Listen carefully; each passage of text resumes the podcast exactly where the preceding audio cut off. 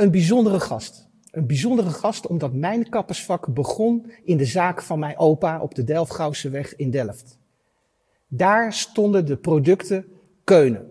De eerste producten die ik als kapperleerling aanraakte, waarmee ik zag hoe mijn opa ermee omging. Traditioneel, authentiek. Jaren later vertelde mij hij het verhaal dat loyaliteit aan een merk heel belangrijk is. Zijn trots dat ik uiteindelijk kapper ben geworden, stak hij niet onder stoelen of wanken. Dus hij heeft een imprintingsfase met mij meegemaakt. En nu jaren later zit ik hier in gesprek met meneer Keunen. Meneer Keunen, dank u wel dat u uh, uh, hier in deze stream zit. En uh, ik, ja, ik vind het aan de ene kant super spannend, dat mag ik best vertellen. En aan de andere kant ben ik ook zo verschrikkelijk nieuwsgierig. Um, dus welkom. Fijn. Uh, Mark, bedankt voor deze woorden. Uh, ik, men heeft mij natuurlijk van tevoren verteld uh, wat de bedoeling is van ons uh, interview, ons gesprek.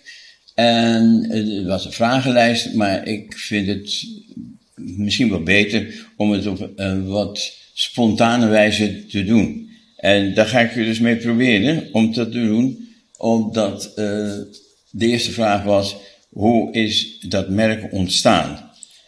Het merk is ontstaan door mijn vader, die heette Johannes Martinez, J.M. Keunen, en die was apotheker in Amsterdam. En, uh, maar hij was tegelijkertijd was hij chemicus.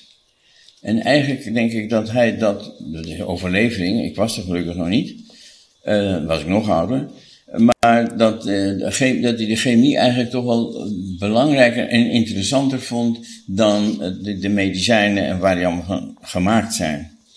Uh, dus in 1922 startte hij de onderneming Keunen om producten te maken, haarproducten te maken. Of hij toen al dacht, dat moet alleen aan kappers, dat weet ik niet precies, maar in het waren haarproducten.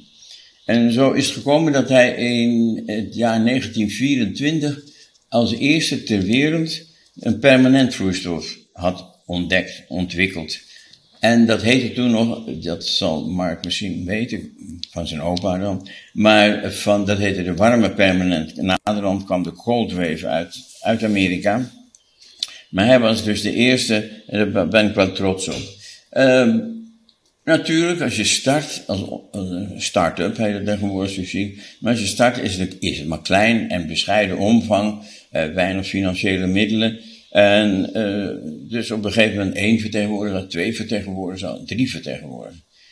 En op, in 1951 uh, eh, ben ik bij mijn vader begonnen. Eigenlijk heel onofficieel, geen, geen, geen werkcontract, heel eenvoudig zo ben gaan zitten en ja, wat ga je doen? Nou, ik ga beginnen met calculeren. Hoe, hoe werkt eigenlijk alles hier? En uh, gekeken en ik zeg, het is wel klein, kan je het niet groter maken? En, ja, enfin, dat is wel ge uh, gebeurd, want ik, uh, mijn vader had drie vertegenwoordigers, één in Noord, één in Midden en één in Zuid-Nederland. En ik wilde groeien. Ik denk dat is wel heel klein en doe maar wat er gebeurde. Een van die twee wordt ziek of twee worden ziek of alle drie. En dan is het over. En ja, dat moet dus anders. Dus, maar mijn vader remde me eigenlijk een beetje af. Jongen, jongen, doe niet zo bond, doe rustig aan, overeet je niet. Daar heb ik slechte voorbeelden van. Maar als een dynamische zoon, hoop ik dat zoon. Een dynamische zoon is het zo dat je niet luistert en we groeiden van 3 naar 5, naar 6, naar 8, naar 10, naar 12. Op een gegeven moment had ik 23 vertegenwoordigers in Nederland. Dat was helemaal vol met vertegenwoordigers.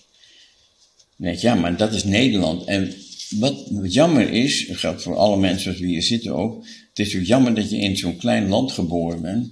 Want was ik in een land als Duitsland of Frankrijk, of in, liever nog in Amerika geboren, dan was ik of heel erg groot geweest, of ik had niet meer bestaan. Uh, nou, nu, zijn we niet heel erg groot. Uh, en we bestaan in ieder geval. En hoe?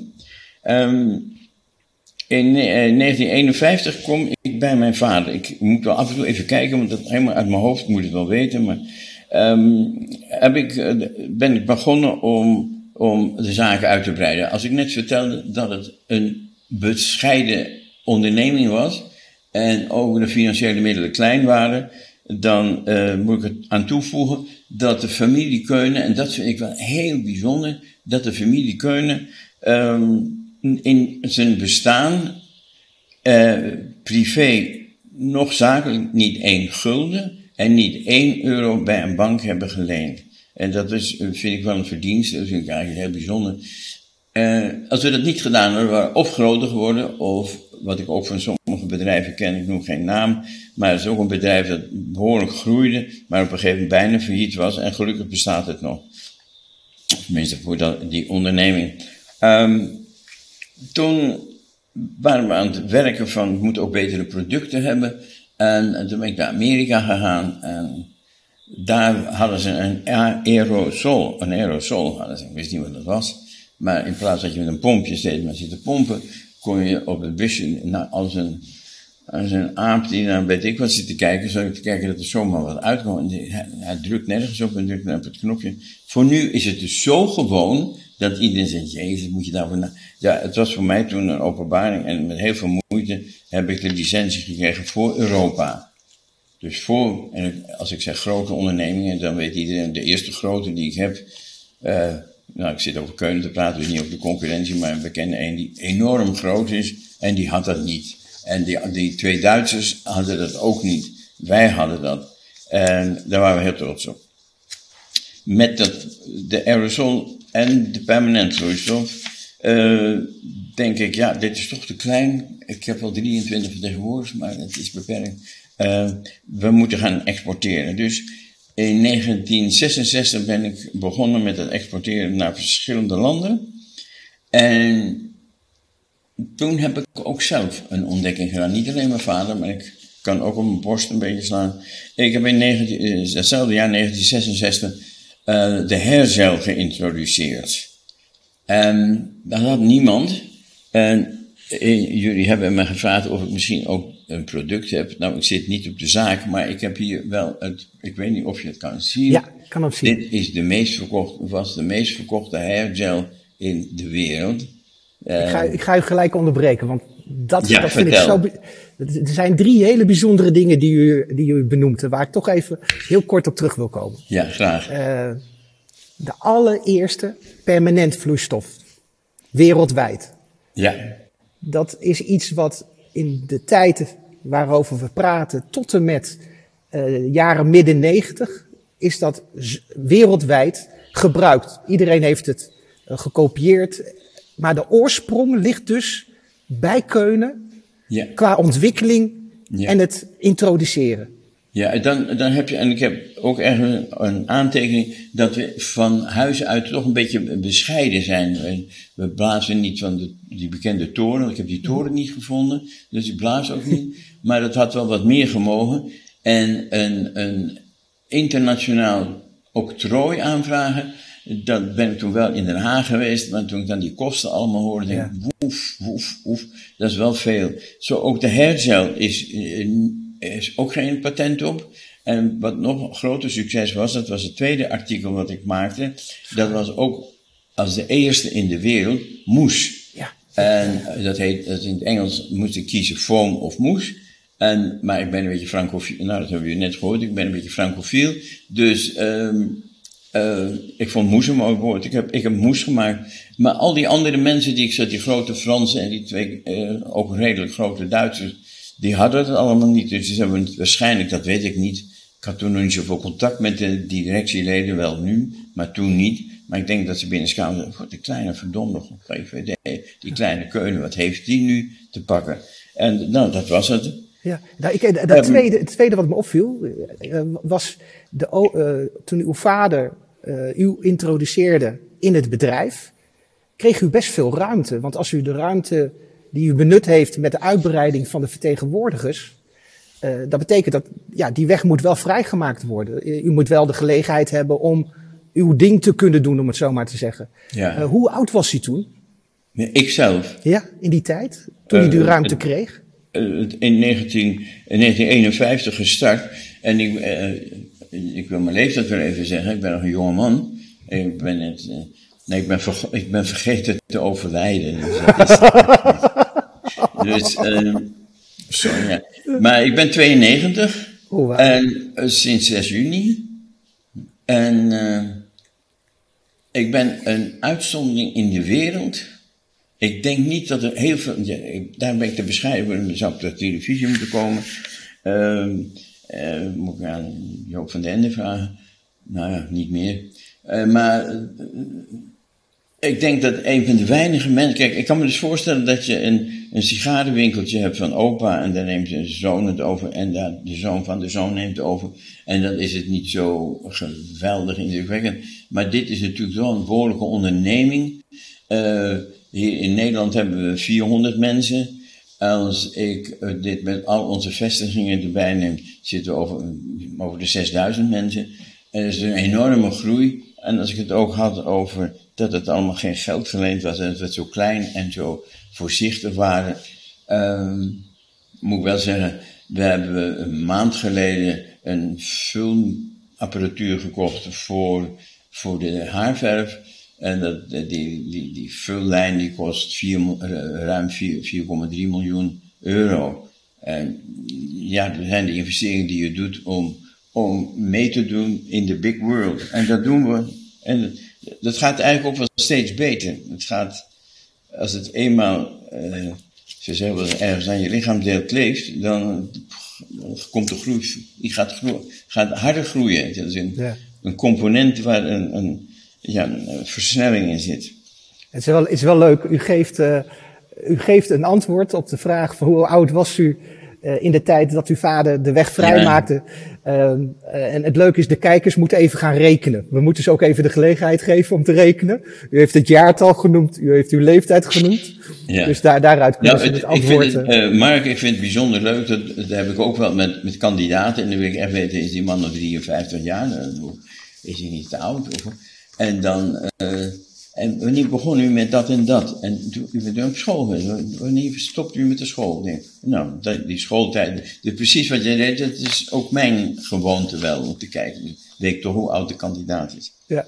En de, de, de derde waar ik over even op terug wil komen, want dat vind ik een hele bijzondere. Want uh, geen geld lenen van de bank betekent dus dat je heel erg bewust bent van je winst die je weer herinvesteert. Want ergens moet het vandaan komen. Ja. Uh, dat betekent, de allereerste keer dat je een investering doet, is dat minimaal, want je winst is minimaal. Uh, dus het is altijd uh, van oorsprong iets wat, ehm, een, een, een, hoe moet ik dat uitleggen, wat een stappensysteem is omhoog. Dus we hebben in eerste instantie uh, minimale winst en dat wordt geïnvesteerd in het bedrijf. Daardoor ontstaat er meer winst, dus meer investeringen en daardoor ben je niet afhankelijk van leningen. Dat, dat is in de ondernemerschap, vooral in dat beginstadium, dat is een uitdaging. Dat is een stap. Dat is als je veel geld hebt, is dat makkelijk te zeggen. Maar dat was natuurlijk niet van toepassing in het begin. In het begin moest je heel duidelijk weten waar ga ik in investeren om een groei te kunnen verwezenlijken.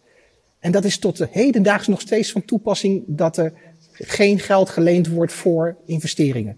Ja, wow. dat is nog steeds. Maar wat wel af en toe bijna tot een botsing komt, als we het hebben over salariering over bepaalde zaken, uh, dat je zegt, ja, er wordt wel gemakkelijk mee, met iets omgegaan, met, met de financiën. Mhm. Oh, dat doen we dus. Iemand die, dus, die we niet goed vinden. Vroeger lieten we iemand die niet goed was, lieten we maar zitten. Nu uh, uh, hebben we een rot-op-premie dus, of een, uh, ook een chiekere uitdrukking daarvoor. Maar dan betaal je dan, nou ja, twee ton als iemand weg moet. Dan zeg je, ja, nou, dan moet. En iemand die dus zet zo slordig zo, zo, zo uh, CFO, die zet even zijn handtekening en zegt, nou, dan, nou, zeg, weet je hoeveel dat is? Dus dat, dat botst wel eens een heel klein beetje, maar dat, dat um, gaat wel beter en beter natuurlijk. Ik weet dat het niet meer zo allemaal kan. Al, uh, wat vroeger met vrienden zei, ja, wij eten thuis geen roomboter, we eten margarine. Huh? Ja, wij eten margarine. Ja.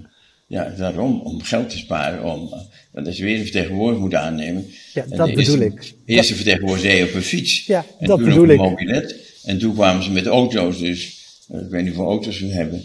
Um, we toch aan het opscheppen zijn, dan ben ik in 1987 eigenlijk gestart met eigen vestigingen. En we zitten in Nederland, eigen vestiging België, Frankrijk, het hoofdkantoor de Champs-Élysées.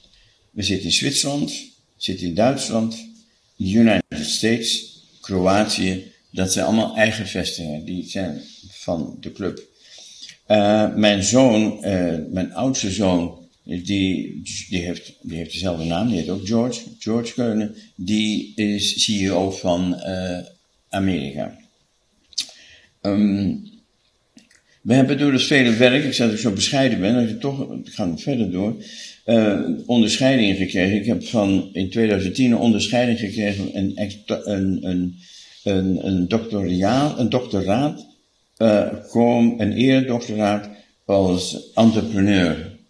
Dat ik dus op deze, ze noemen het op een stille manier, zoiets groots heb neergezet.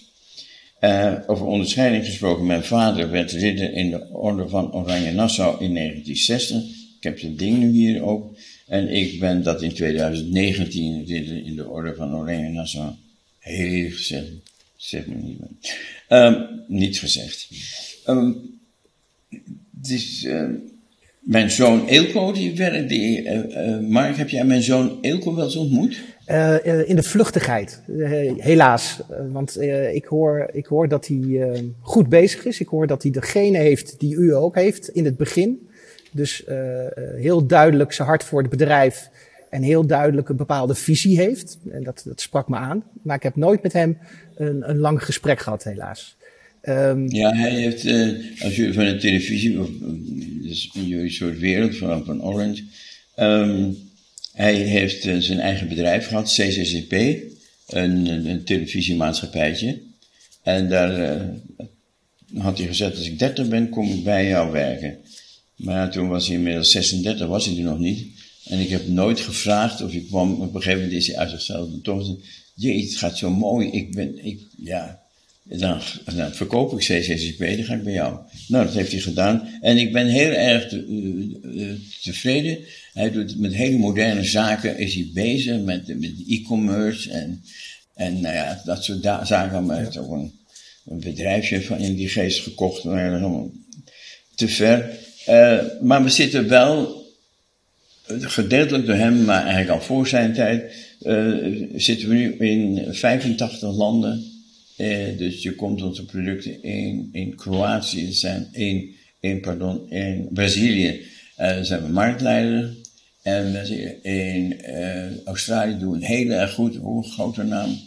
In Rusland doen we het goed. En er komen steeds meer opkomende landen. Mhm. Dus het gaat, uh, ik ben erg, erg enthousiast. Uh, het is niet zo, zeg, doet u het nou voor het geld, meneer Keulen? Ik denk, maar ik ga straks dat die vraag stellen, nee, maar voor je die stelt. Ik denk ook, waarom gaat u eigenlijk door? Is het niet, laat toch gaan, ga lekker genieten. Um, mensen, ik geniet. Ja. Ik, ik moest vroeger een, een, kwart, een, een dubbeltje omdraaien om er een kwartje van te maken. En nu, ja, we praten nu over, over miljoenen, miljoenen investeringen, miljoenen winst. Wat, wat, wat, mij nieuwsgierig maakt, want, want uh, het succes is niet komen aanwaaien. En er is op een gegeven moment een moment geweest dat, uh, dat, dat u succesvol was in Nederland, bent in Nederland. Da, dan, is, dan is de vanzelfsprekendheid dat over de grens datzelfde succes plaatsvindt, uh, is niet, dat is niet vanzelfsprekend. Dat is, daar hoort een plan achter, er hoort een gedachte achter, er hoort uh, een visie achter, er hoort iemand achter die uh, duidelijk aangeeft hoe we het gaan doen, waarom we het gaan doen en hoe we het de continuïteit geven. Ik ben heel erg benieuwd naar uw verhaal van wat heeft u, wat heeft u gedaan om mensen buiten de grenzen van Nederland kennis te laten maken met het merk, waardoor dat op een gegeven moment ook een olievlek werd het is niet zo van we droppen het even neer en het is daar, daar moet op een gegeven moment een, een, een, switch zijn geweest, waardoor het succesvol werd en waardoor dat. Ja, het, het is dus niet een switch geweest, het is een, een constante ondersteuning uh, met alle mogelijke uh, hulpmiddelen die er bestaan, digitaal of, of ed educatief. We hebben dus uh, Global Educators we hebben local educators en de global educators die, eh, die gaan het evangelie verkondigen in zo'n land. En die moeten dus die mensen enthousiast maken, maar ook precies uitleggen hoe je een product gebruikt. Uh, en dan door het zien hoe enthousiast we zijn, uh, waarbij we ook nu, wat ik vroeger heel vervelend vond, uh, om familie aan te spreken, maar wat we nu dus meer merken dat het heel goed werkt, dat het een family organization is, een family company is. En wij zijn family, wij, beschouwen die mensen, nou ik kan het overdreven noemen, maar we beschouwen ze als, als family. Dus de, de managers van Zwitserland hebben gisteren uh, tijdens hun wedstrijd uh, contact mee gehad over uh, of ze het wel zouden winnen. En ze hebben het niet gewonnen. Maar we zijn dus bijna familiaal bezig. En dat voelen die mensen ook. Um, maar dan zou ik mensen van onze afdeling, digitale afdeling, moeten vragen of ze dingen kunnen laten zien. oh, wat een, prachtige items zijn dat, hoe die mensen dat doen om, om, om over de bühne te brengen. In, de, in, in deze tijd kunnen we gebruik maken van het digitale en alles wat maar het internet te bieden heeft. Maar dat was vroeger natuurlijk niet zo. En uh, ik was heel erg nieuwsgierig naar, is dat familiaire, is dat al in de oorsprong heel erg naar buiten gekomen? Dus toen u vanuit Nederland naar uh, Duitsland of naar andere landen ging met het merk vroeger, uh, kon dat natuurlijk niet via internet bekendgemaakt worden. Dat moest op een andere manier. Moest je dat marketieren. Ehm, werd dat, werd dat, hoe werd dat toen aangepakt? Ja, zo eigenlijk, Mark, zoals eigenlijk alle bedrijven dat deden en nog een beetje doen. Dat is gedrukte publiciteit, hè? dus in coiffure en Kappersblad en wat vroeger Bondsnieuws, weet ik hoe die dingen allemaal heten. Uh, in uh, heel schema hadden we, en dat is nu wat minder aan het worden, uh, waarbij je dus ging adverteren, full page of spreads, maar dan moet je wel, op die manier deden we dat. Um, en dat werd ook wel gelezen, maar dat wordt, als je nu in een vakblad kijkt, als je de oplagen bekijkt, dan is het toch altijd nog met kleine getallen. Als je naar de digitale getallen kijkt, maar ja, dan zeg ik dingen die, die iedereen natuurlijk al weet. Ja. Ook de kappen die, die dit gaan lezen, die weten ook wat een digitaal, dan praat je, je kan honderdduizend volgers hebben of, een, of twee miljoen. Maar de, deze oplage is natuurlijk uh, veel groter dan de druk, gedrukte. Maar om dat te beantwoorden, het was vroeger dus uitsluitend een gedrukte publiciteit. Ja. En naamsbekendheid maken. En, en, en dan, dan uh, kan ik me voorstellen dat je op een gegeven moment uh, de balans moet vinden tussen uw creativiteit en, en, en laten we zeggen, uh, het zakelijke. Um, omschrijft u uzelf in het begin meer als de creatieve kant met een, een dosis zakelijkheid, maar wel het zoeken naar vernieuwing, naar verruiming? Of ziet u uzelf in die tijd meer als uh, de brein, het uitdenken van een visie en de juiste mensen die visie laten uitvoeren? Hoe, hoe zat ja. u zelf toen in elkaar? Uh, dat had ik misschien eerder moeten doen. Dat doe ik op het ogenblik wel, dat beleid verbeteren. Maar uh, de creativiteit was, was dus een van de eerste dingen. Deze, dit ding is ook helemaal ontworpen door mijzelf. Dus Zo'n ja. betekentafeltje te kijken hoe je gaat doen, hoe gaan die streepjes ja, en zo. fantastisch. Dus dat was de creativiteit. Dat, is, dat, uh, dat is nu allemaal, dat is er nu niet meer. Dat doen, dat doen een paar teams doen dat. Dus uh, dat is een mannetje of acht op om, om, om iets te bekijken, of, of tien. Uh, dat gaat heel anders.